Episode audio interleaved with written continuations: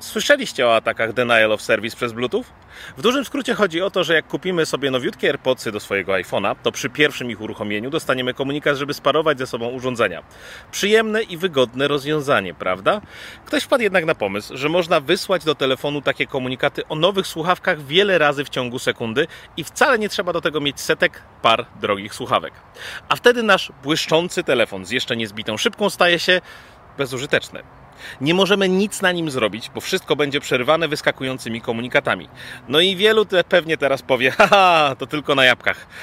Na moim Androidzie się to nie uda, tylko że uda się. Flipper Zero używany do przeprowadzania takich ataków został właśnie zaktualizowany i od teraz może też spamować tak Androidy, jak i użytkowników Windowsów. Nikt nie jest bezpieczny. No chyba, że oddali się nieco i wyłączy Bluetooth. To wtedy żaden komunikat już nie wyskoczy. Bo na pewno